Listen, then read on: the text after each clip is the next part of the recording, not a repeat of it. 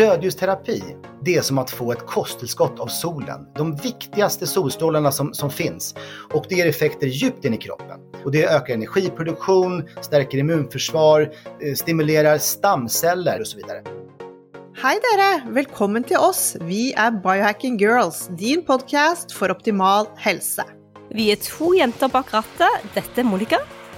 Og dette er Alette. Vi er biohacking-kollegaer og legger sammen våre erfaringer og kunnskap for å inspirere deg til å ta fatt på biohacking for å optimalisere helsen din. Vi følger med og setter forstørrelsesglass på trender og siste forskning, og snakker med verdens toppeksperter innen trening, life coaching, helse og biohacking. Er du klar for å starte med konkrete hacks, lytte til din egen kropp og ta fatt på din helsemessige reise sammen med oss? Vi ønsker naturlig tilnærming til helsen vår, og vi snakker til både menn og kvinner. Du kan gjerne gi tilbakemeldinger til oss under podkasten her, og slå gjerne til med en god stjerne. Du finner oss også på Instagram og Facebook. Er du klar? Velkommen!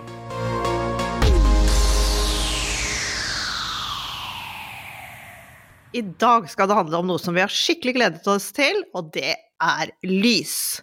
Foto, biomodulasjon, det har faktisk eksistert i mer enn 50 år.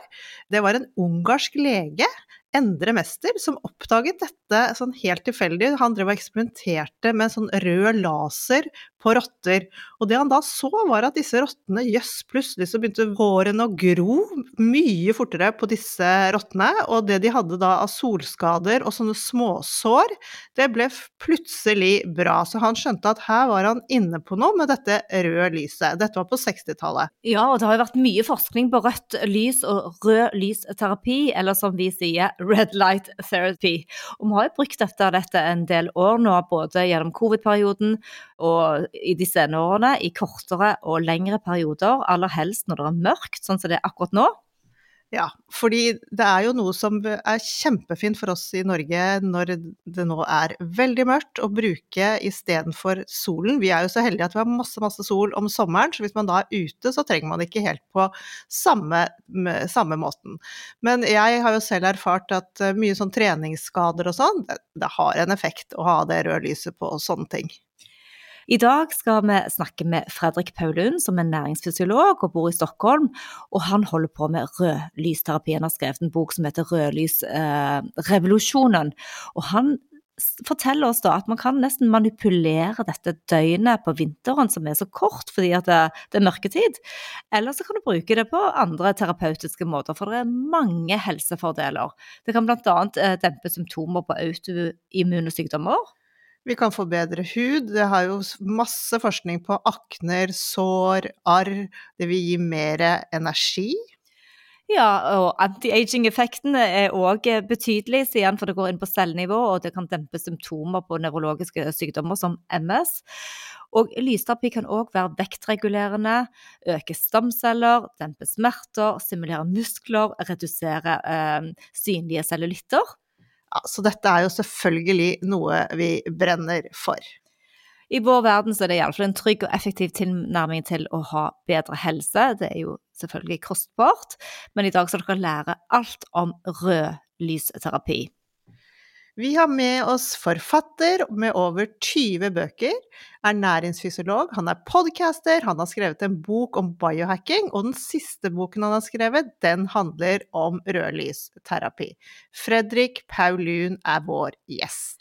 Han er òg medeier og rådgiver i et selskap som heter Nutrilite, som er et svensk firma som selger rødlyslamper. Og disse lampene kan du oppleve på neste Biohacking Weekend, for de skal nemlig ha stand og selge produkter, og ha demonstrasjonslamper til oss. Og Fredrik Paulun han skal òg forelese, og dette er veldig for stort for oss i det norske biohacking-miljøet. Velkommen til Biohacking Girls, din podkast for optimal helse. Hej Fredrik. Så hyggelig att du äntligen kan vara med på showet vårt. För vi har verkligen lett efter och haft så lust att snacka om detta med red light therapy. Och så har vi funnit dig rätt och sett i nabolandet vårt. Välkommen till oss! Tack så mycket. Och jag kan säga så här att jag Jag brinner ju för det här med ljus som ni vet. Och jag brinner lika mycket för, för norrmäns hälsa som svenskars hälsa. Vi bor ju på samma breddgrad. Europas mörkaste länder. Så här måste vi göra någonting.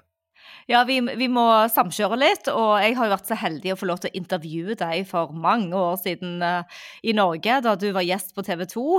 Men uh, det kan vi komme Vi skal snakke mye om alt det du har gjort, men kan vi ikke bare først få høre litt hvordan dine dager ser ut? Hvordan, hvordan bruker du lyset og maten din? Hvordan er en typisk dag for Fredrik Paulun? Ja, alltså nu har jag ju förmånen att leva som jag vill. Eh, så att jag lyssnar på min eh, klocka när det gäller, jag lägger mig sent, jag la mig klockan ett eh, i natt till exempel, för jag är ett nattdjur.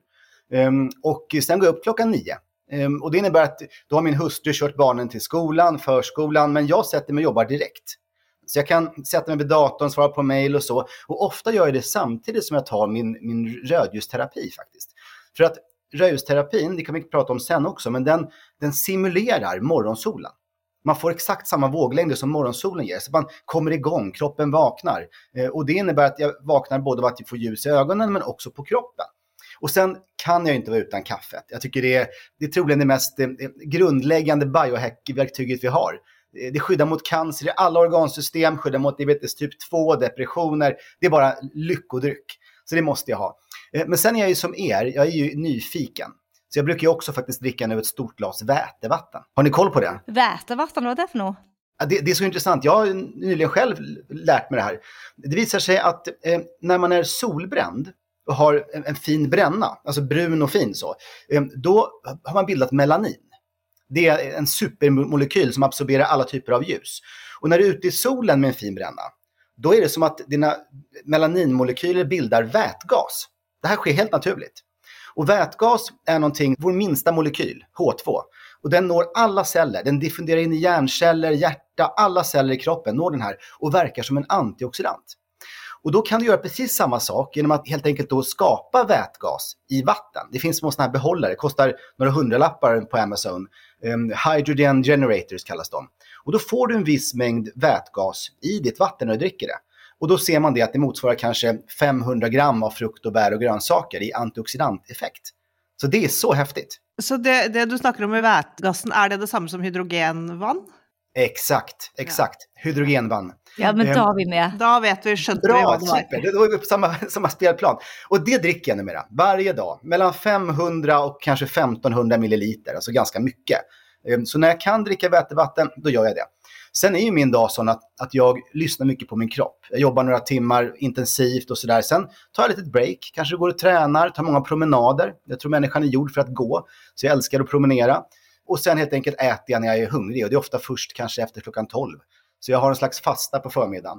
Och sen min dag är ofta ganska kort. Jag jobbar inte jättelänge, men jag jobbar varje dag å andra sidan.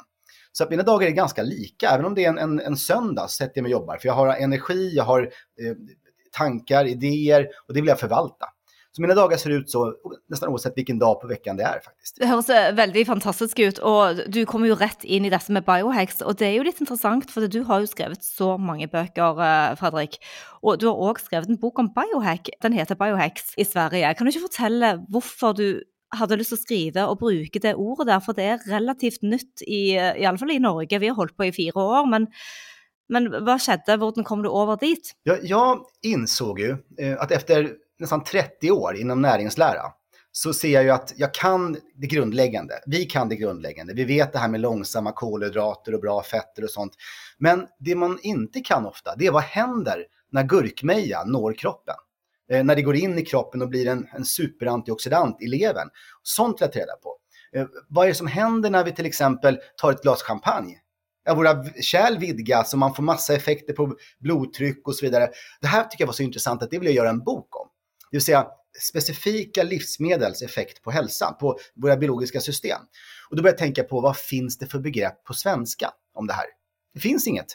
Jag skulle vilja ha eh, typ biomodulering. Något sånt. Men det är så tråkigt. Det är ingen som förstår. En sån bok säljer inte. Och då stötte jag på det här biohack-begreppet som jag tycker är bra, men det har vissa problem med sig också. För inom biohack ryms så otroligt mycket. Allt ifrån att operera en chip i hjärnan till att, att äta grönsaker. Det är liksom hela spannet. Och jag befinner mig mitt i någonstans. Jag är inte extrem åt något håll, men jag är väldigt nyfiken, vill få nya teknologier, nya livsmedel och så. Så jag bestämde mig för att döpa boken till Biohack. Eh, och eh, det blev bra, men problemet var att den kom ut eh, december 2019. Och vi vet alla vad som hände på våren 2020. Så jag fick fyra månader på mig att sälja boken. Sen tog pandemin över. Så den dog pandemidöden. Den, den fick eh, covid, min bok, och försvann.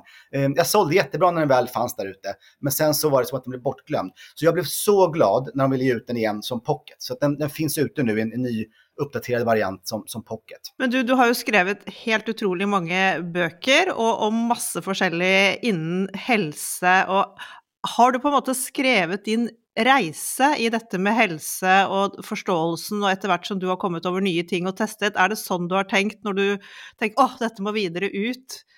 Hvordan har reisen varit? Ja, jag tycker man kan säga så. Att det, skulle jag läsa mina böcker själv, jag tror att de är 23 stycken till antalet eller något sånt. Jag har skrivit en bok per år i stort sett, sedan 95. Ehm, då är det så som du säger, att det är min resa. Ehm, och ehm, jag har ju lärt mig så otroligt mycket mer. Skulle jag skriva en bok idag till exempel om blodsocker, då hade det varit något helt annat än det jag skrev 99, när den kom, den första boken. Ehm, och jag kan, säga så här att jag eh, använder böckerna framförallt för att lära mig mer. För jag vill lära mig mer om ett ämne och jag går in på djupet. Och det var ju så som min första, egentligen riktigt stora bok eh, eh, kom till. Det var den här Allt om glykemiskt index. Och det här var 99, det är alltså länge sedan. Det var den som sen kom i Norge också som blodsockerblues. Ehm, och den här boken var det ingen som ville ge ut, för ingen som förstod konceptet. Det var konstigt, tekniskt. Och den har sålt i nästan en kvarts miljon exemplar efter det. Ehm, och jag är glad att ingen vill ge ut den, för jag fick ut den själv. Och det innebär att jag kunde bygga upp någonting med det här. Ehm, och idag sitter jag med precis samma känsla i kroppen. Jag vet någonting som är jätteviktigt för hälsan, men som andra inte vet och förstår. Och det är ljuset. Så jag har precis samma känsla för ljus idag som jag hade för blodsocker och kolhydrater då. Och det här är ju egentligen otroligt när man tänker på det. När, när min bok kom, det är ju 25 år sedan ungefär, då visste man inte att det var skillnad på bröd med hela korn och, och vitt bröd. Man trodde det var samma sak. Det är samma kalorier, det händer samma sak i kroppen. Det låter helt galet idag. Eh, det var ingen skillnad på socker och andra kolhydrater. Det var kalorierna som räknades. Idag vet vi att det är en jätteskillnad på utkomsten i hälsa. Så eh, det är det här som jag tycker är så intressant, att faktiskt då få med och påverka människor och skapa en ny sanning. Ehm, och det är det jag vill göra med ljuset också. Eh, för att i Sverige och i Norge också vet jag, är man ju rädd för ljus. Men det ska man inte vara. Det är precis tvärtom. Vi, vi har en, en massiv ljusbrist faktiskt. Fredrik, dette er musikk i våre biohacking-ører òg, fordi det er en veldig eh, fin, fremoverlent holdning til helse å ligge litt eh, i forkant. Noen ganger så kan det gå litt for, at du kan komme litt for tidlig ut, sånn som du gjorde med den boken for 25 år siden. Men nå har du da lysterapi som, eh, som skal skape en revolusjon i så mange både norske og svenske hjem, og kanskje i hele verden. Så det er fint å være biohacker og så se litt fremover. Samtidig så må du òg få med folkene som skal förstå det du håller på med. Men ska vi bara gå rätt in i lysterapin då? Ja, gärna för mig. In i ljuset bara. Va, la oss gå in i lyset. Vad var det som gjorde att du i hela tatt eh, begynte å tenke, og når skjedde det att eh, rødlysterapi var något du ville jobba med? Jag kan säga att min egen historia inom ljus har varit komplex. För jag fick lära mig när jag läste till nutritionist att ljus är farligt. UV-ljus ger cancer, det ökar risken för malignt melanom, det ger massa effekter på cellerna som inte är bra. Så min inställning var ju att man skulle smörja in sig med solkrämer. Var jag på semester, jag kom hem lika vit som jag var när jag åkte. Eh, jag låg under parasoll, hade kläder på mig. Eh, helt enkelt en usel strategi. För idag vet jag mycket, mycket bättre. Eh, och problemet som vi har i Sverige och Norge är att vi har samma solråd som man har i Australien. Det är därför det kommer, våra solblom. Man ska smörja in sig, skydda sig med UV och sånt. Och det är ju helt knasigt. För att det som man ser i Australien, är man i Perth till exempel, då är det över 300 dagar per år som solen är för stark för att bara vara där. Man måste skydda sig på något sätt och då helst med kläder och parasoll och så. Vet ni hur många dagar per år som solen är för stark i Stockholm? Det är inte många. en! En, ja. en dag per år lyser solen så mycket att du ens behöver bry dig. Annars kan du bara leva helt fritt. Och det här kom man fram till 2014 när man skulle rekommendera alla förskolebarn i Sverige att smörja in sig med solkräm. När man väl analyserade det här och mätte solen insåg att det behövs inte. Vi behöver inte solkräm. Så eh, min resa inom det här med sol är, är komplex och det som hände jag vet exakt när det hände. Det var december 19, precis när jag skrev klart min bok där om biohack. Då eh, hade jag varit på en biohackmässa i London innan. Ehm, den här eh, Health Summit som är numera tror jag att det är varannat år och sånt. Och där har jag sett sådana här rödljusterapilampor och gick bara förbi dem. Det var liksom rött ljus som lyste på människor. Jag tänkte, det där, det där kan inte vara något bra, det där måste vara humbug, eh, som man säger på svenska, alltså bluffprodukter tänkte jag. Ehm, men sen några månader senare så åt jag lunch med en gammal vän. Eh, och han är överläkare på ett stort sjukhus här i, i, i Stockholmsregionen. Eh, och jag har känt honom i 30 år, så det är, jag gillar honom. Han är lite fritänkare, men ändå akademisk. Och han sa till mig så här. Du Fredrik, du som arbetar med kost och hälsa och vill få människor att må bättre med det. Eh, titta på det här med rödljusterapi. För det ger exakt samma effekter som nyttig mat. Det var han sa. Och då tänkte jag, det här kan inte stämma. Men jag hade sett de här lamporna, jag var lite nyfiken ändå. Så jag började helt enkelt läsa forskningen kring det här. Jag började söka upp um, photobiomodulation, red light therapy och inse att det finns säkert tio sökord på samma sak. Och det gjorde ju också att det var väldigt komplext att hitta allting. Eh, men jag letade och letade och hittade hundratals studier till slut som visade att det här är någonting. Och då visade det sig att det är inte så att det här röda ljuset på huden är det som är intressant. Det gör vissa saker, men det intressanta är att ljuset går faktiskt in i kroppen. Det går in i våra celler. Och det visar sig att om du går helt fullt påklädd en, en solig dag eh, på Oslos gator, då nås ungefär 60% av dina celler av ljus. Och då tror man, det kan inte stämma. Det låter ju för mycket, eller hur? Jo, man ser ja. ljuset så, men faktum är att det mesta ljuset ser man inte. Det mesta ljuset är osynligt för mänskliga ögat. UV är osynligt, men det går knappt in något alls. Men framför allt det som ligger liksom bortom hela regnbågen, bortom våra synliga färger, det är infrarött ljus. Och det ser du inte. Hade det varit en skallerorm, då hade du sett det. Då ser du var musen finns i rummet. Du ser värmeutstrålningen och kan ta musen och äta den. Eh, men en människa ser inte infrarött ljus, men det finns där likväl. Så du kan mäta det och du ser att det går in 15-20 cm i kroppen och en normalstor människa tar alltså upp väldigt mycket av ljuset och det påverkar cellerna fundamentalt. Det gör att vår eh, elektrontransportkedja fungerar. Det är alltså energiproduktionen i cellerna. Det gör att våra makrofager börjar fungera. Det gör att immunförsvaret blir starkt. Det gör att eh, kväveoxid bildas, att blodtrycket sjunker. Och det här är så intressant. Eh, ni har säkert motsvarande siffror i, i Norge som i Sverige. Vi har ju Statistikbyrån som har följt svenskars hälsa i 150 år. Och då har man sett dödligheten i Sverige. Hur många som dör varje månad. Och följt det år efter år efter år. Det är samma kurva varje år. Då ser man att det dör ungefär 20% fler människor under de mörka månaderna än de ljusa. 20 och det kan man förklara nästan 100% med att det är kväveoxid som bildas när sol och ljus träffar kroppen. Och det gör att våra kärl vidgas, att blodtrycket sjunker, risken för en blodpropp, en hjärtinfarkt minskar drastiskt. Och sen vet vi också att det här ljuset gör saker med, med eh, åldrandeprocesserna.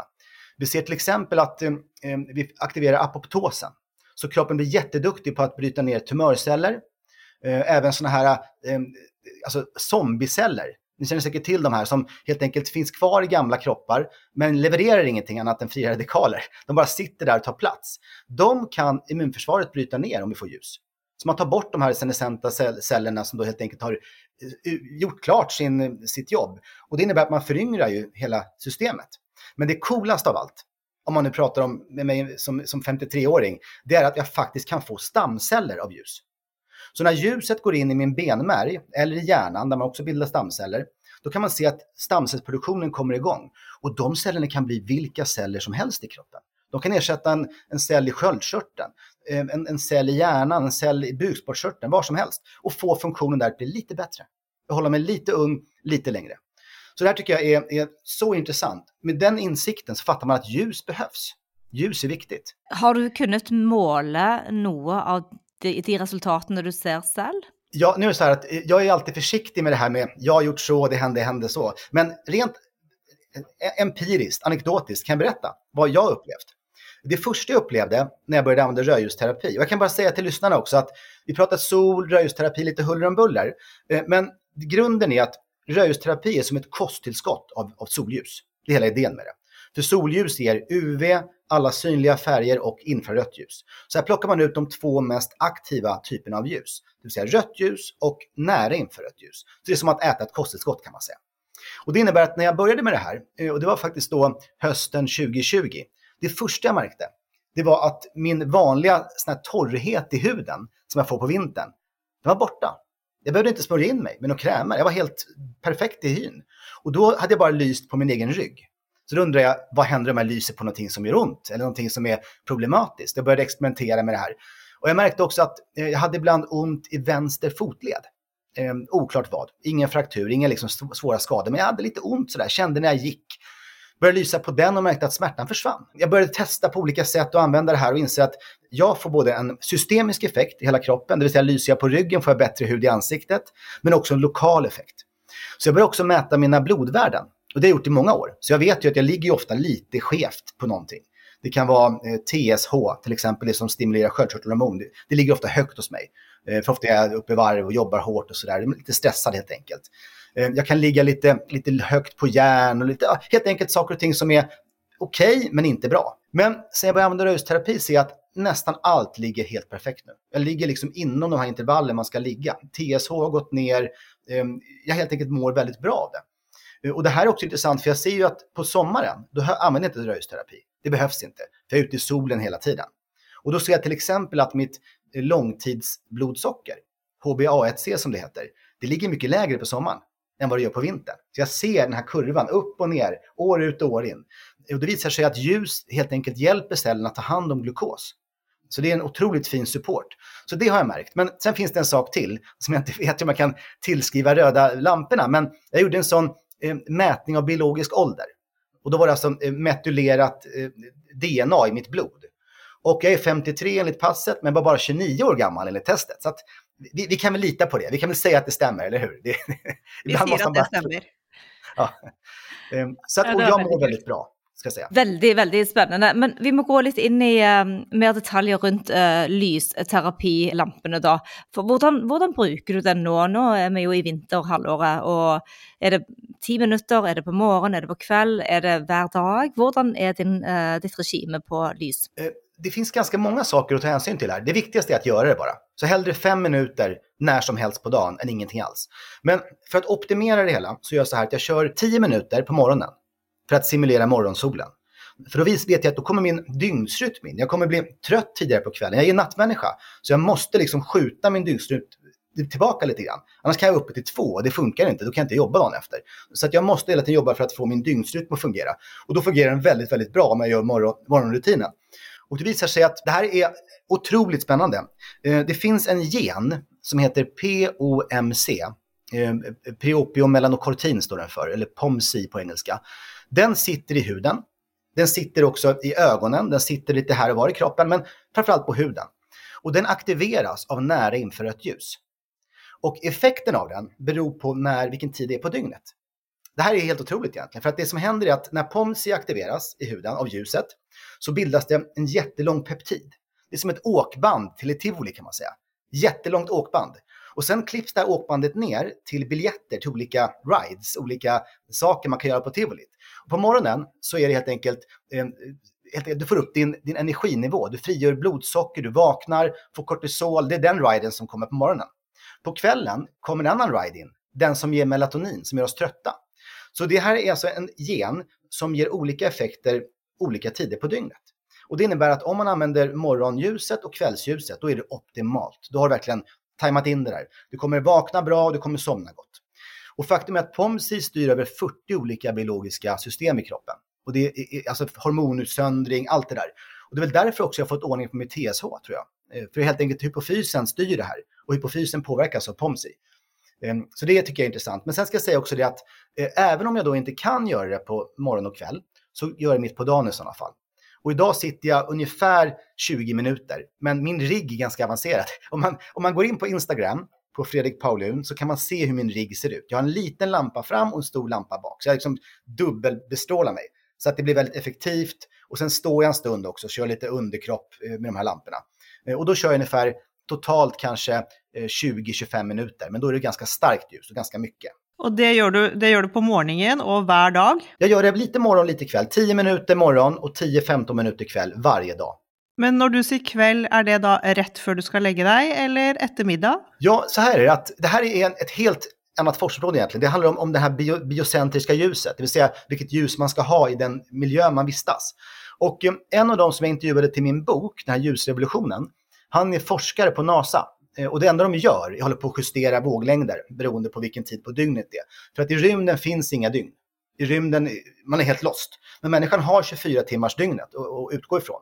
Så det man gör där, det är att man helt enkelt ökar mängden rött ljus och nära infrarött ljus på morgonen och på kvällen, när man då vill att det ska vara morgon och kväll. Så man håller eh, astronauterna pigga på, på dagen om man säger och trötta på kvällen. Och exakt det vill jag göra även hemma. Speciellt nu när jag då lever eh, nästan också faktiskt utan dygnsrytm. Det är mörkt jämt här. Det är mörkt i Stockholm hela dygnet nästan. Och då tycker jag just morgon, då ser jag kanske vid, vid tio för min del. Det är morgon för mig. Jag är ju sen som sagt var. Och sen kanske vid åtta på kvällen. Eh, vissa människor blir lite pigga även på kvällen faktiskt. Då är man troligen lite störd i sin dygnsrytm. Men då säger då Fred Maxick, den här forskaren, att eh, 90 minuter, det räcker för att man ska bli, liksom, komma i, i fas igen. Så det senaste man ska göra, eh, rödljusterapi, det är alltså så 90 minuter innan sänggång. Det är regeln.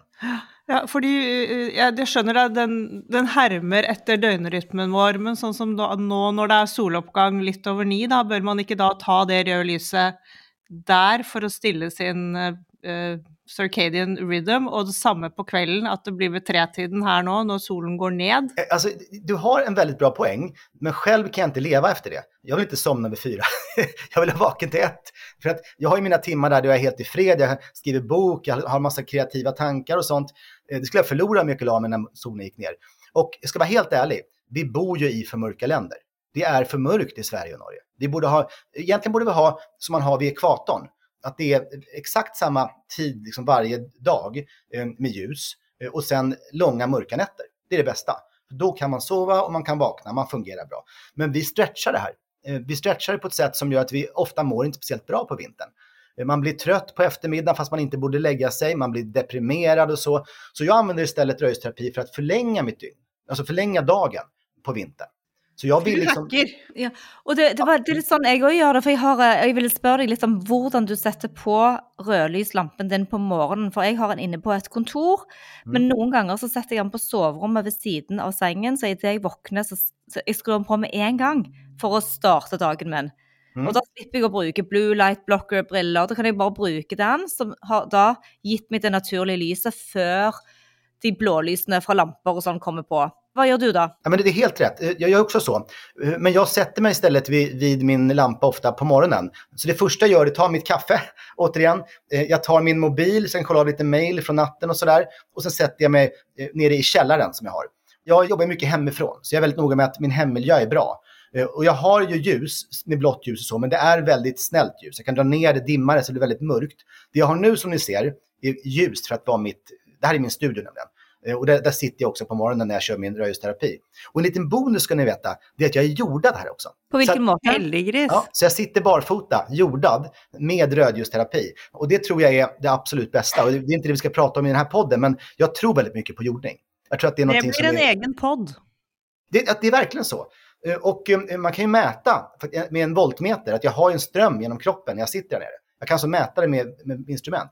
Och det är klart att det kommer påverka mig på något sätt. Och det är ju mitt naturliga tillstånd. Så kombinationen rödljusterapi och jordning gör att jag mår väldigt bra. Kan du, eh, nej du kan inte visa oss hur det ser ut där på golvet men du har barfot och du har eh, en...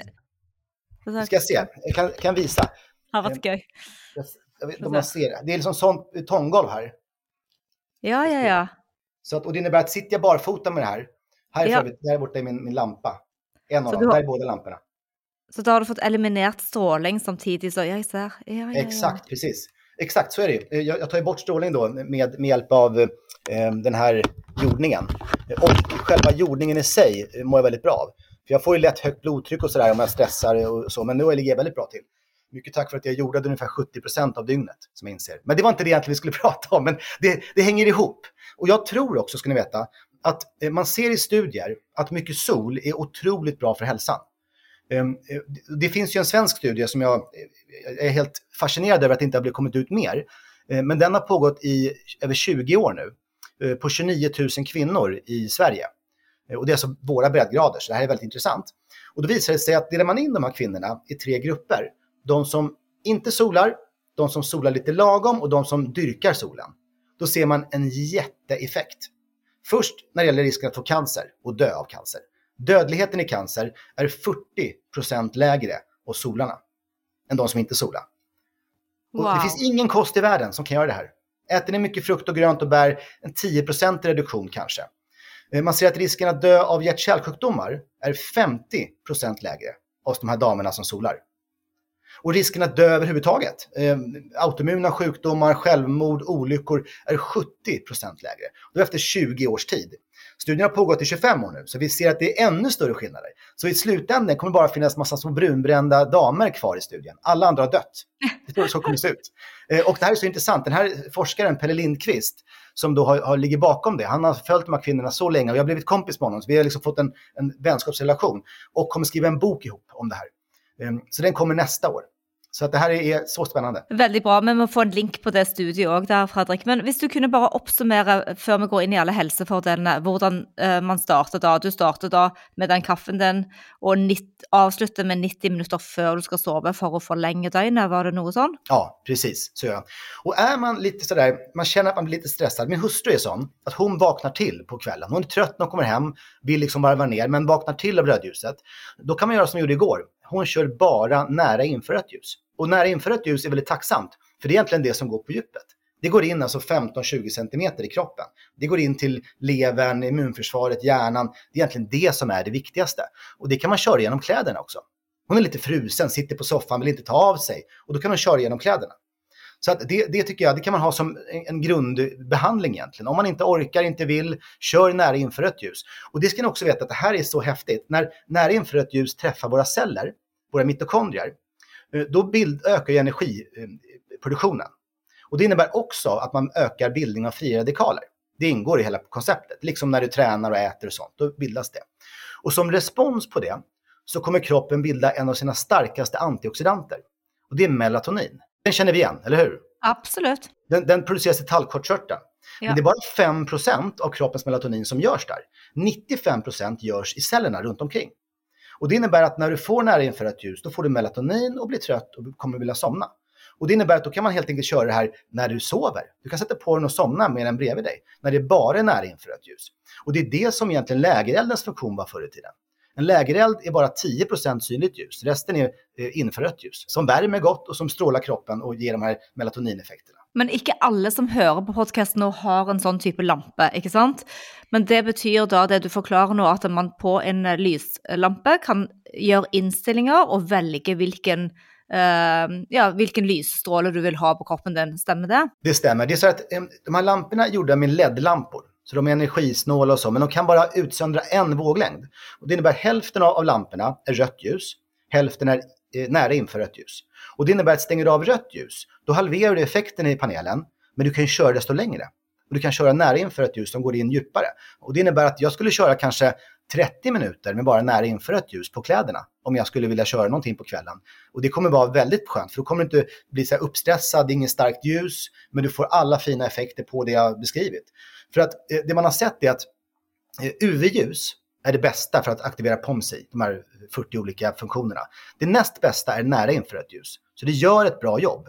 Eh, och det innebär att med det klarar du det väldigt bra. Du behöver egentligen inte det röda ljuset. Det är en bonus, men du, du behöver inte det. Så om man tänker på HRV, som är den stressmålingen, eh, säger du HRV i Sverige också? Yes, Heart rate, ja. Eh, og parasympatikum, altså nervesystemet vårt. Hvis vi skal tenke, Vi er jo ulike typer mennesker. Noen er mer sånn parasympatisk drevne og har mer energi, mens andre er litt roligere. Kan man bruke det rødlyset for å møte ulike personligheter òg? Det kan man. Eh, och här finns det här finns det en intressant frågeställning. Ehm, en person till exempel med lågt blodtryck, ska han eller hon använda det här? Det beror lite på vad det beror på. Ehm, jag har en kollega som han ligger jättelågt, alltså så här 80 genom eh, 60 och så där. Han är väldigt lång nämligen. Ehm, och han märker ingen skillnad när han kör rösterapi. Men om du så att du har en, en, liksom, en funktion att du får en ökad kärlvidgning och du får ett ännu lägre blodtryck, då kan du svimma. Så det finns ju en risk här. Men det kan också vara så att ett lågt blodtryck beror på att dina binjurar fungerar dåligt. Du har inte rätt eh, styrning av blodtrycket. Och då kan rödljusterapi faktiskt normalisera det här. Så i vissa fall ska man göra det här med försiktighet. Ehm, och det, i de allra flesta fall är det totalt ofarligt. Men i några fall så är det faktiskt så att man, man måste reda ut det här. Till exempel, har man pacemaker, vad gäller då? Ehm, och då är alltid, läkare kan fråga, till exempel han som var min mentor i början. Och då kan han kolla upp vetenskapliga dokumentationen och visa att det är ingen fara med pacemaker och rödljusterapi, helt ofarligt. Däremot en högenergilaser, den kan störa pacemaker. Så att det är sånt man måste reda ut. Så har man en sjukdom då ska man kolla upp vad som gäller först innan man verkligen börjar använda det. För det, det har starka biologiska effekter. Och i 99 fall av 100 är det bara bra effekter, men det skulle ju kunna vara så att det händer någonting man inte önskar. Ja, og, og, sånn er det jo med alt, ikke sant. At uh, du, går du på medisiner, har du utfordringer, så må man jo alltid sjekke først at det, alt er greit, så, før man starter. Men så er det jo sånn, da, Fredrik, som med alle ting, at om noe er bra, så er vi skapt sånn at da vil vi ha mer, for da tror vi at mer er bedre. Mm. Er det en limit på dette med å bruke sånn red light-lamper? Det er en limit, men den er veldig tacksam. For at man prater om en bifasisk respons. Och det innebär att man börjar använda rödljusterapi så får man en jättefin effekt ganska snabbt. Man känner smärtlindring, man, man känner alla saker som händer i kroppen, eh, cirkulationen ökar och så. Och den består länge. Man kan sitta med lampan säkert en timme och fortfarande ha en god effekt. Men sen klingar effekten av. Så det blir alltså inte farligt, men du tappar effekten.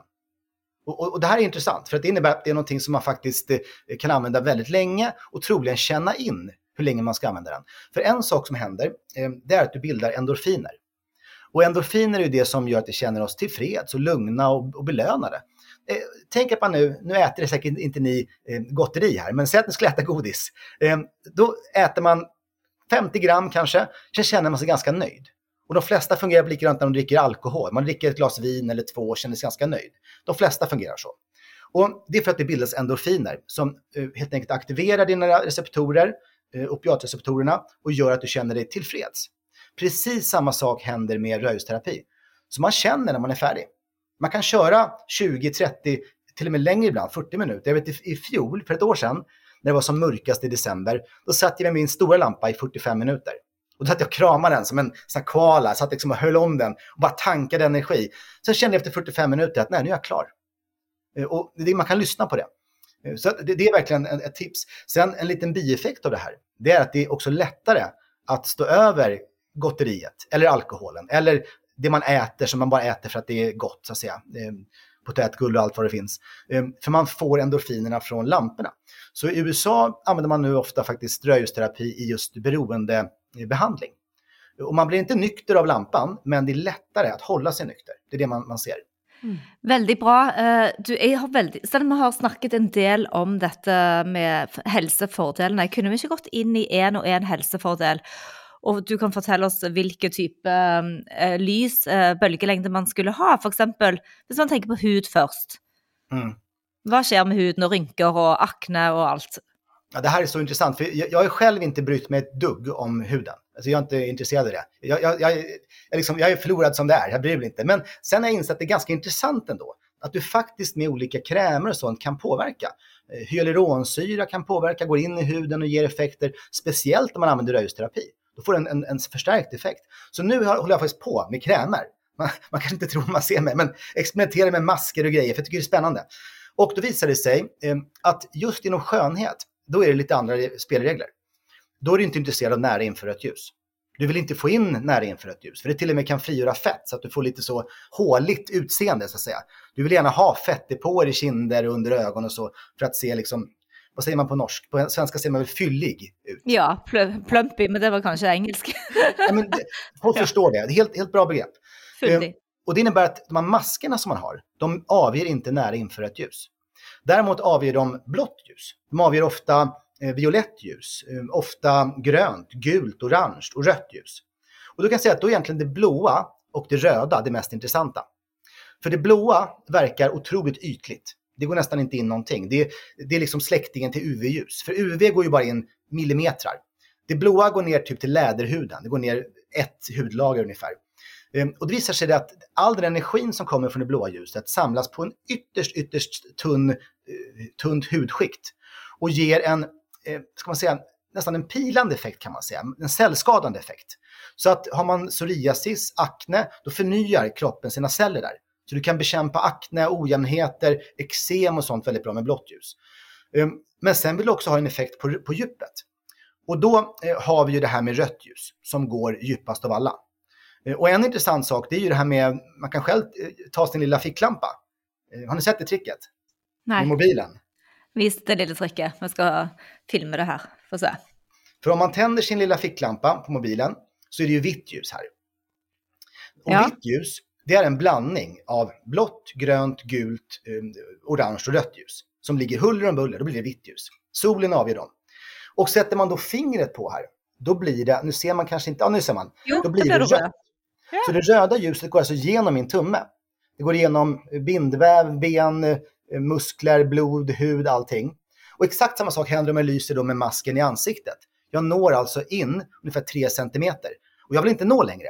För att på 3 centimeter, där hinner jag få effekt på kollagenproduktion, elastinproduktion, jag kan dämpa inflammationer. Och det innebär att det blåa ljuset för ytlig effekt och rött ljus för, för djup effekt. Det är vad som behövs, det, var, det räcker.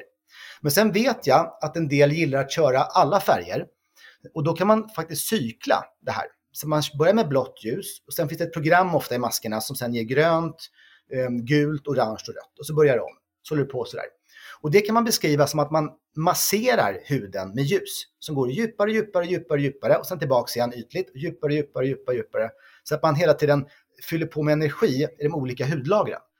Eh, Det tycker jag är intressant. Det kan fungera. Men skulle jag själv ha en mask som bara är till för beauty, då skulle jag ha en som ger blått och rött ljus. That's it. Blått og rødt. Ja, det er veldig bra tips. Og så neste vi lurer på, er dette med smertelindring og det lyset. Sånn som du fortalte om den skaden du hadde i foten. Eh, Ja. eh, och Det här är så intressant för att när man gör studier, sådana här dubbelblinkkontrollstudier, där man antingen använder rödljusterapi eller en icke-aktiv rödlampa, då ser man att smärtlindringen av en eh, session men framförallt nära infrarött ljus, eh, den motsvarar ungefär två stycken starka eh, smärtstillande tabletter. Alvedon i Sverige till exempel. Ehm, så det är alltså en- en väldigt stark effekt. Och i vissa fall beskrivs den i, i litteraturen som ett bättre alternativ än läkemedel, rent smärtlindringsmässigt. Och man tänker på att du slipper också få en, en sänkt smärttröskel, vilket man får av många läkemedel. Man slipper få leverpåverkan. Eh, det kostar ingenting. Eh, läkemedel är kanske inte dyrt, men det kostar ändå någonting. Eh, då kan man ju se att rödljusterapi är överlägset i många fall. Men vid svåra smärtor ska man se det som ett komplement. Då kanske man använder både olika typer av teknologier, vibration finns det, TENS finns det, vissa läkemedel ibland och sen har man då rödljusterapi som ett komplement. Men i min värld så fungerar rödljusterapi helt grejt ensamt. Och då är det framförallt nära infrarött som räknas. Och det fina med det att den kan du använda nästan hur mycket du vill. Det kan inte bli för mycket. Eh, inte med en normal lampa. Så får du ont, använd nära infrarött ljus. Det som inte syns alltså. Eh, och så kör du lokalt där det gör ont. Då kommer smärtan att lindras på 5 eller 10 minuter och sen kommer det vara så kanske i 12 timmar en smärtlindring. Så det är väldigt stark effekt. Väldigt bra. Eh, vi vet ju också att eh, att lyset kan heale både arrdannelser och det kan redusere cellulitter. Kan du förklara noe av det? Ja, eh, alltså eh, det är så här. Alla celler i kroppen, eh, utom hemoglobin faktiskt, har mitokondrier. Eh, och mitokondrier, det är ju kroppens cellernas kraftverk kan man säga. Och det innebär att när man då får ljus där, då aktiveras en speciell liten struktur som heter, det heter cytokrom C-oxidas. Det är en, en liten protein som helt enkelt ändrar funktion och trycker igång produktionen av energi. Och det sker i alla celler. Alltså, det innebär att alla celler som får ljuset kommer att reagera och bli lite bättre på vad de gör.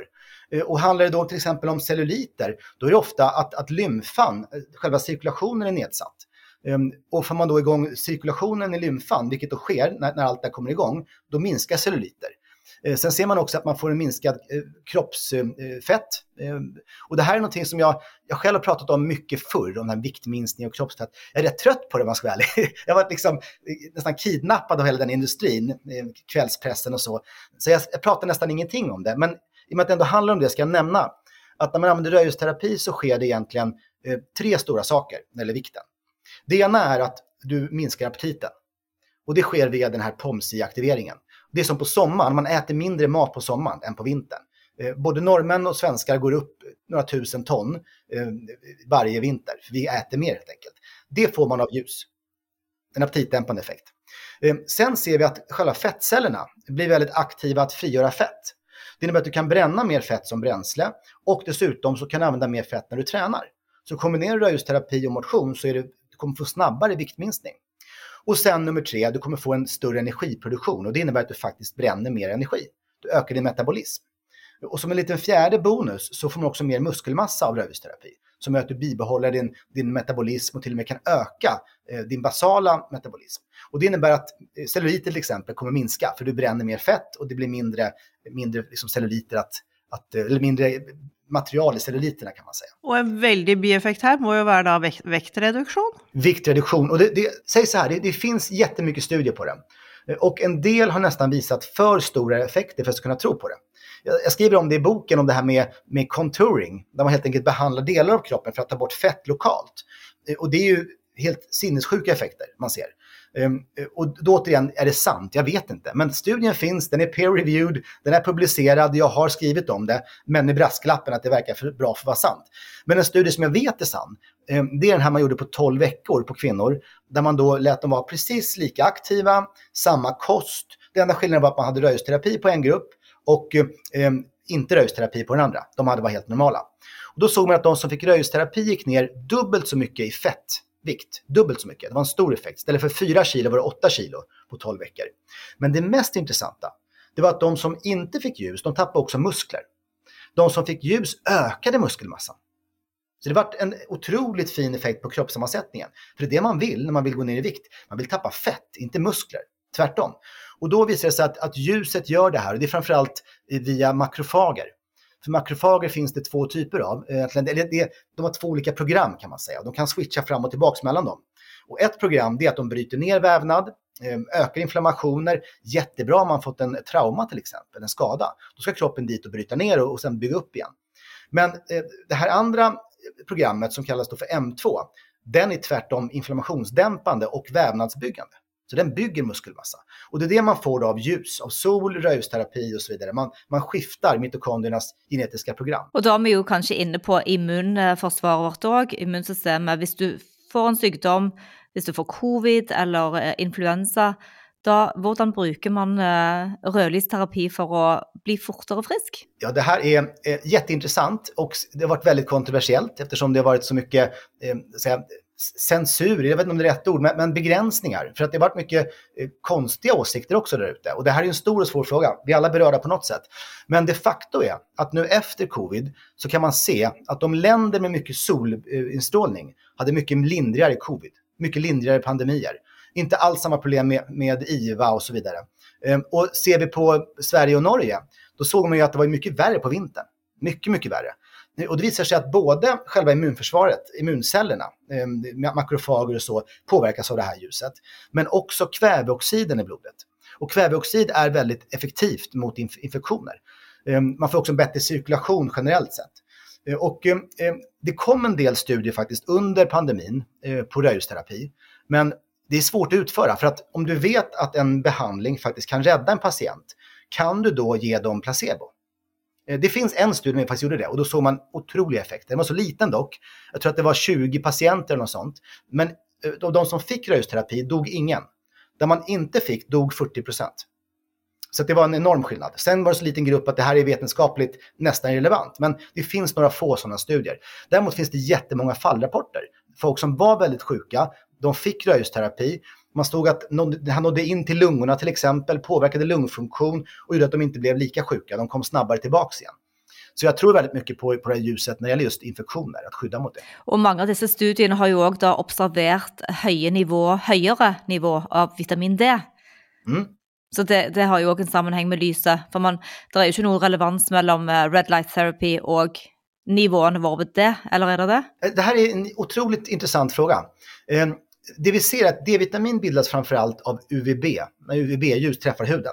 Och det är väldigt bra. För att när man bildar D-vitamin i huden, då bildas det flera sorter. Man ser att D-vitamin sulfuriseras, binder till svavel, får massa effekter och så. Så en egen produktion är väldigt bra.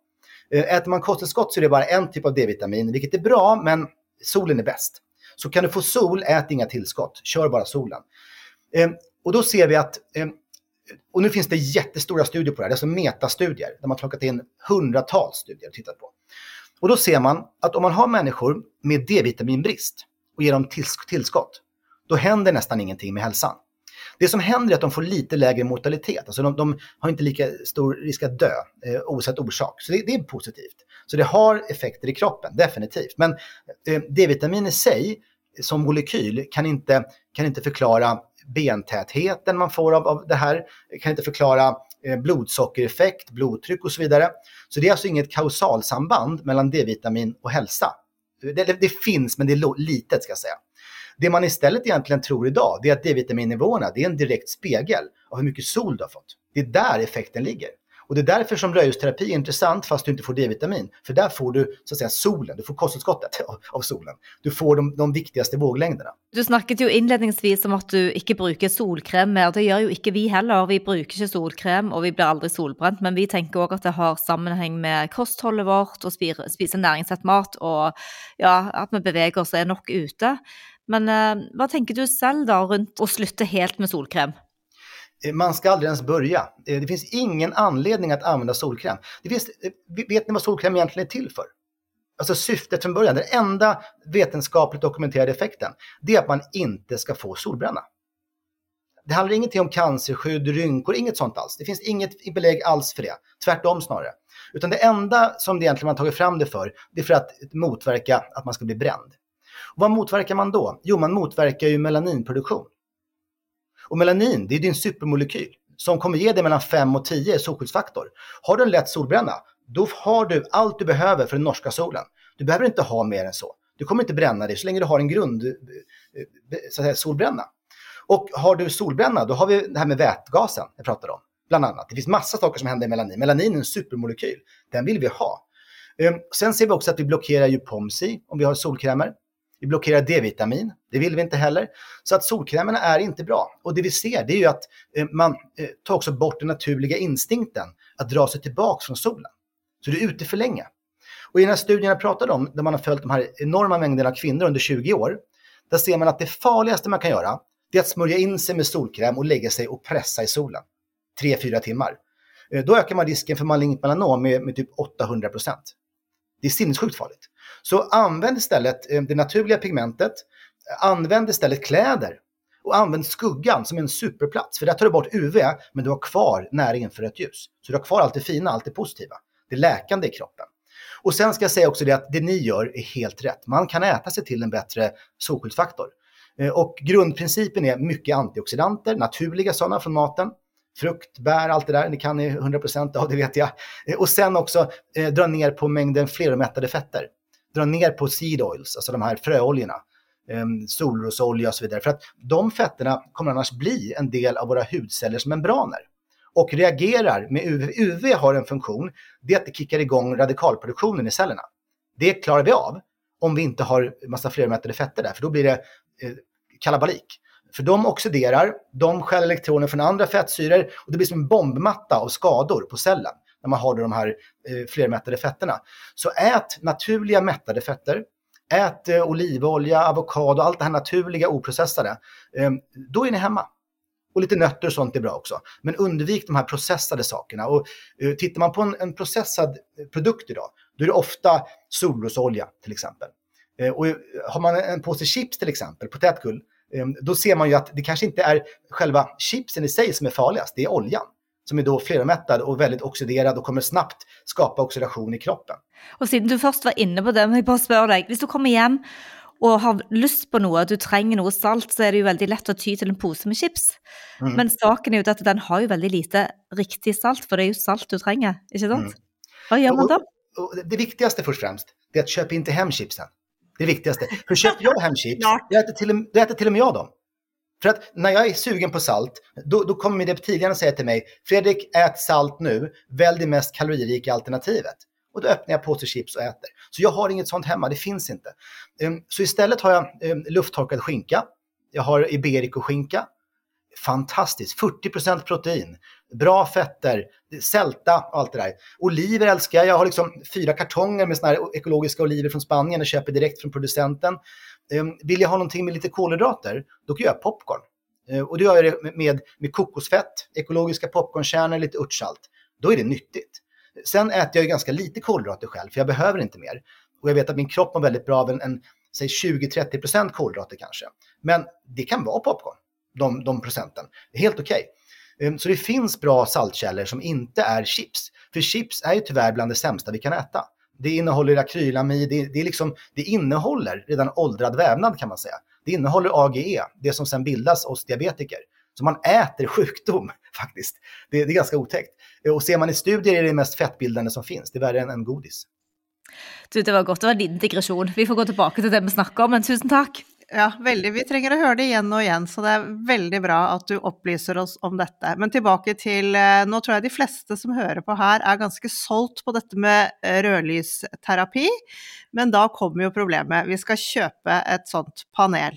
Og det er en jungel der ute med masse forskjellige typer, og vi er redd for strålinger og det ene og det andre. Hva gjør vi som forbruker for å vite att det vi köper är 100%? Eh, det är en jättebra fråga. Eh, som du säger, det är en djungel, det är massa olika varianter, storlekar, styrkor. Eh, och jag kan säga så här, jag började med en liten 900 eh, watts lampa jag köpte från England, från Storbritannien. Det var innan Brexit, så det var liksom inga konstigheter, det var lätt att köpa.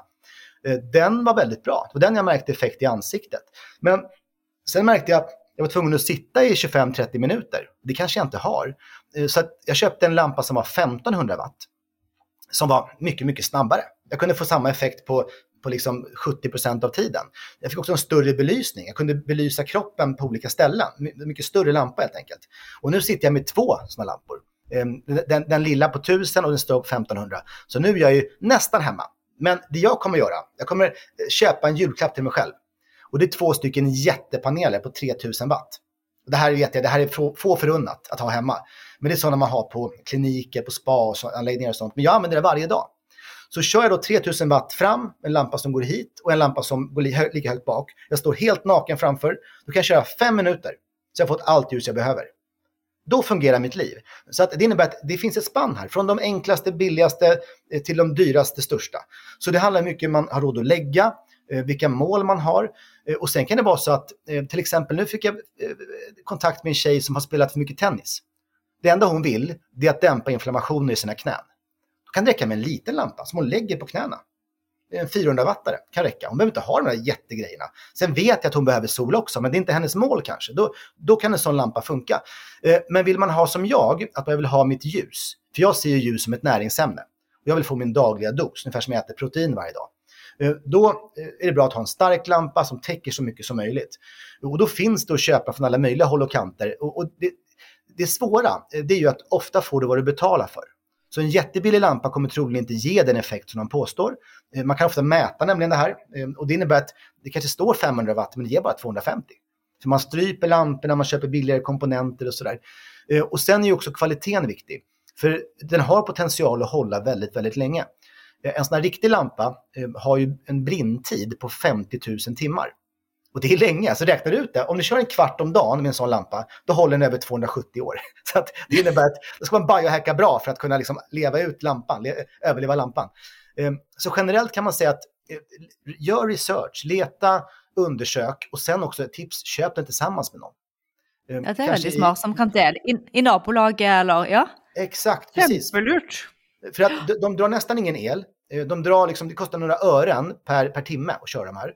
Eh, de har nästan obegränsad livslängd och man använder inte mer än kanske 15-20 minuter per dag. Så köp den till bostadsrättsföreningen, eh, köp den med vänner som du bor nära. Man kan till och med turas om. Man kan ha delad vårdnad. Man har en, typ två dagar här, två dagar där och så vidare. Arbetskamrater kan man ha tillsammans med och så. För du måste inte göra varje dag. Eh, men, men det är ju bra. Så hitta en lösning. Jeg lurer på om vi skal finne, uh, kjøpe en å ha på Core Balance på treningsstudio, så kan kundene få lov til å komme inn. Siste fem ja, alltså, minuter. Ja. Helt ärligt, det där är ju det, där är ju det bästa. För då, då, kan man bara cirkulera, köra, köra, köra. Och jag vet att det finns ju i, i Stockholm har vi några ställen, bland annat Sturebadet, en klassisk spaanläggning, de kör det här. Och det är så populärt, det är fullt hela tiden. Och då är det starka paneler, samma som jag kommer köpa. Så där kör man 10 minuter, för det är bara en panel. Men det innebär att man får ju alltså in tre eh, gånger 6 till 18 personer i timmen som får sin dagliga dos genom det här. Man går in och ställer sig, går ut, går in och ställer sig, går ut. Så det är verkligen en, en fabrik. Du, jeg lurer på to ting til, og det er avstand til panelet. Hvor langt unna bør man sitte for å få optimal eh, nivå? Og trenger man å bruke sånn briller? For jeg vet for noen år siden så var mange av leverandørene veldig opptatt av at man skulle bruke briller for å beskytte øynene. Mm. Och det är så här, eh, vi börjar med det här med avståndet i och med att det finns en atmosfär på jorden så kommer ljuset att absorberas av atmosfären. Så vi tappar ganska snabbt faktiskt. Så sitter du eh, 10 cm ifrån, eller 20 cm ifrån, så är det mer än en dubbel förlust, så att säga. När man tappar mycket mer, en exponentiell förlust. Och det innebär att du ska vara så nära du bara kan. Helst dikt an, helst ska du liksom krama lampan, ha den jättenära. Ehm, men det kan vara svårt, både av praktiska skäl och hygienskäl om man är på ett spa till exempel. Då ska det vara så nära du kan, 10 cm, 15 cm kanske. Men med det sagt så får du en effekt även på en meters håll. Men du måste använda den mycket längre. Eh, och det tycker jag är intressant med nära infrarött ljus. Om du till exempel har en lampa hemma som du sätter på bara nära infrarött ljus, då kan du gå runt i rummet med kläderna på och ändå få en effekt när du kommer nära. Så att man kan använda den så också, så man behöver inte alltid dedikera sig till att nu ska jag behandla mig. Eh, och till exempel, jag har ju, jag har ju fyra barn eh, och de vill jag hålla friska och starka. Så där ställer jag faktiskt in såna här lampor med bara nära infrarött ljus. Sen leker de i rummet och springer runt där, de tänker inte ens på det. Man kan ställa in då sin gamla släkting, sin gamla förälder kanske som är lite skröplig, som inte ens förstår vad det är för någonting. Men med lite nära infrarött ljus så blir man piggare, man mår bättre. Så det är ett sätt att, att liksom i löndom få, få en, ge människor en, en behandling som bara är av godo. Så, så nära som möjligt, eh, men vissa fall fungerar även distans ganska bra. Eh, sen glasögon. Då är det så här att människans öga är gjort för att få in ljus. Vår synnerv behöver ljus, vi har POMSI i ögonen, vi har massa saker som händer när vi får in ljus i ögonen. Därför är det här med glasögon ganska dåligt generellt. När man är ute till exempel, försök vara utan glasögon. Använd inte solglasögon om ni inte liksom verkligen måste. Ehm, och, och, det innebär att då får du in ljuset i ögonen, du aktiverar på rätt sätt, du får massa effekter i hjärnan, POMSI aktiveras. Eh, och det gör det även i ögat när du sitter med lampan. Men med det sagt så är den här lampan väldigt stark. Så sitter jag med den mot ansiktet, för jag behöver lite extra behandling i ansiktet, då har jag skyddsglasögon. Det, alltid, det kan vara vanliga solglasögon, det kan vara vad som helst, det kan vara en ögonbindel, bara för att liksom ta bort det värsta röda. För det röda stannar, eh, men det nära infraröda, det går igenom. Men det är bara bra. För det nära infraröda ljuset är bra för, för synhälsa. Däremot så, jag är ingen läkare, så jag säger inte till någon att du ska behandla din syn med, med rödljusterapi. Det är inte min grej. Men jag vet att det används inom, inom syn, eh, inom den medicinen den medicinska grenen eh, för att förbättra syn, minska eh, åldersrelaterad synnedsättning och så. Så det är inte farligt. Och det enda gången som närinfrarött ljus kan vara farligt är när man överdoserar det. När man till exempel svetsar, ni vet, svets, då måste du ha skydd. Det är jättemycket närinfrarött ljus, det är som tusen lampor på en gång. Då ska man skydda sig. Eller om du sysslar med glasblås, ni vet glasblåsa, kallas det ja. på norsk? Mm, ja, Samma. glasblås. Ja, då finns det något som heter glasblåsaröga. Och de har haft en glödgad klot av glas väldigt nära som har skadat eh, helt enkelt ögonen. Men det är också det är som tusen lampor, så det är alldeles för starkt. Det går inte att jämföra. Ehm, detsamma gäller när man jobbar med stålverk till exempel, där stålet är glödgat och det strålar. Men med det här sagt ska jag ge en liten sån intressant tankenöt. Ehm, vi pratar om ehm, det här med blåa zoner, ni vet. Blue Zones. Och det uppenbara för mig, som man inte ens pratar om i Netflix-serien, det är ju att de ligger på det perfekta avståndet från ekvatorn. Det vill säga ljuset är ju perfekt. Men det kanske ännu mer intressanta är att det ligger ju, alla de här ligger i geotermiska områden. Det vill säga, vi har varma källor på Okinawa, vi har vulkanutbrott, eh, Sardinien och så vidare, Grekland, Loma Linda, Kalifornien med jordbävningar, eh, Costa Rica också, geotermiska områden. Och där är eh, jord alltså magman i jorden, innehållet i jorden, det glödande klotet inne i jorden, är väldigt nära jordytan. Så det här är bara en teori, det är inte bevisat, men det kan mycket väl vara så att många människor får det här närinfraröda ljuset även genom jorden. Och på Island kan man ju leva fast det är långt, fast det är mörkt och så vidare. Där får man liksom ljuset från, från jorden istället. Så jag tror man ska se det så med, med långt liv och hälsa, att just nära inför ett ljus vi pratar om, det är bara farligt om man får jättemycket på kort tid. Annars är det någonting kroppen är gjord för. Um, någonting vi ska vara tacksamma över. Och du behöver inte glasögon eh, och skydda dig om du kör bara nära inför ett ljus. För att då kommer du inte få det starka ljuset. Så lyssna på kroppen. Känns det för starkt, sätt på dig glasögon. Känns det inte starkt, ingen fara. Och sen ska jag nämna också det att de här lamporna används ju inom bland annat eh, odling, så vertikala odlingar, man odlar sallad och sånt där. Och då jobbar ju människor där utan skyddsglasögon med tusentals lampor. Eh, så att får man ljuset från sidan in i ögonen och sånt, det är helt ofarligt. Eh, Men sen tycker jag att om man känner sig osäker, använd dem. Det är inget, det är inget fel att använda dem heller. Veldig bra. Tusen takk for, eh, for dette, Fredrik. Eh, Nå er det jo sånn at du kommer til eh, Norge og skal forelese på Biohacking Weekend i 2024, 20. april. Ja, Vi och det är så roligt. Og da skal du snakke mer og komme med enda litt nye ting angående lysterapi. Absolut. Och faktum är att jag lär mig själv nytt varje dag. Det, det kommer nya rön, eh, jag har ett bra nätverk, jag tar del av ny information. Så jag lovar att alla ska få alla sina frågor om, om ljus och sol besvarade eh, och även en hel del nytt som jag tror inte ens jag vet idag. Det hinner jag lära mig till dess. Så det, det är ett otroligt dynamiskt område. Och en annan spännande ting som jag kan säga till alla er som lyssnar på, det är att eh, med sig i kofferten så tar Fredrik eh, både böcker, ja, men också Nutrilite-paneler eh, som vi kan testa. Ja, precis. För jag jobbar ju med Nutrilite. Jag, jag är deras vetenskapliga rådgivare, tar fram produkter och så vidare. Och eh, eh, kanske, kanske, kanske kan vi ta med vår alldeles nya innovation. Får se om det har hunnit komma. Jag kan inte säga så mycket mer nu, men jag Nej. hoppas det.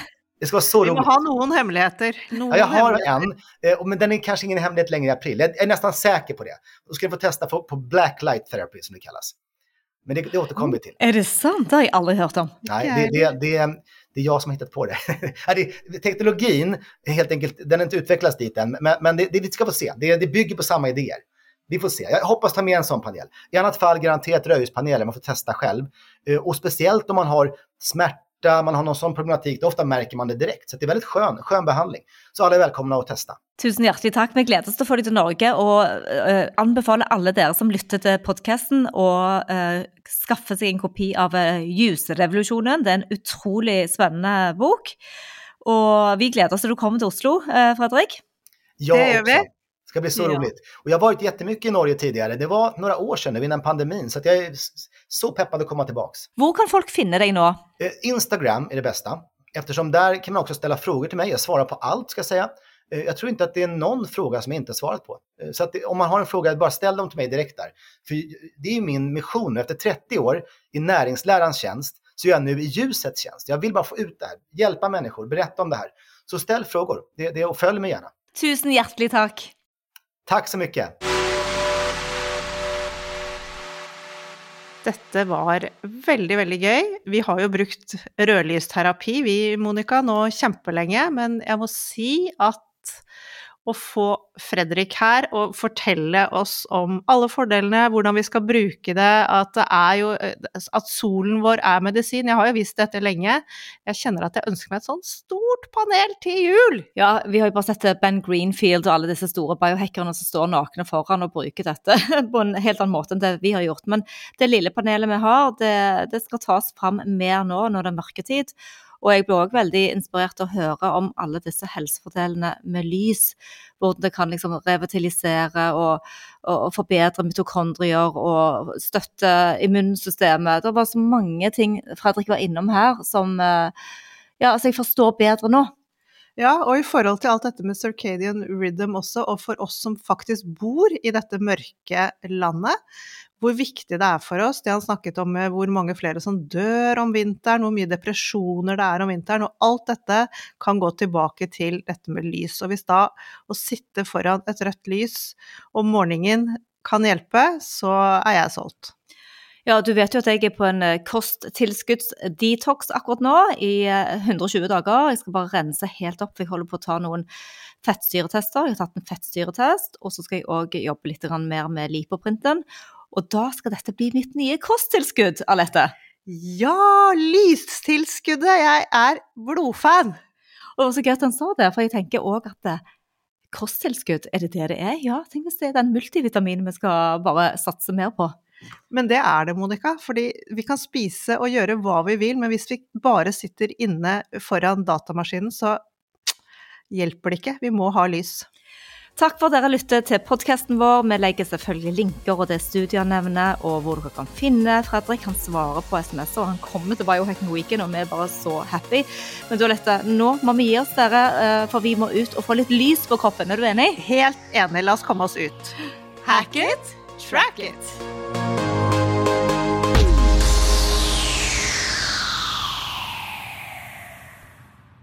Vi minner om at dere må snakke med egen lege eller kostholdsveileder om dietter og andre spørsmål relatert til medisiner og supplementer. Informasjon vi deler kan ikke bli brukt til å diagnostisere, behandle, forebygge eller kurere noen sykdommer eller tilstander.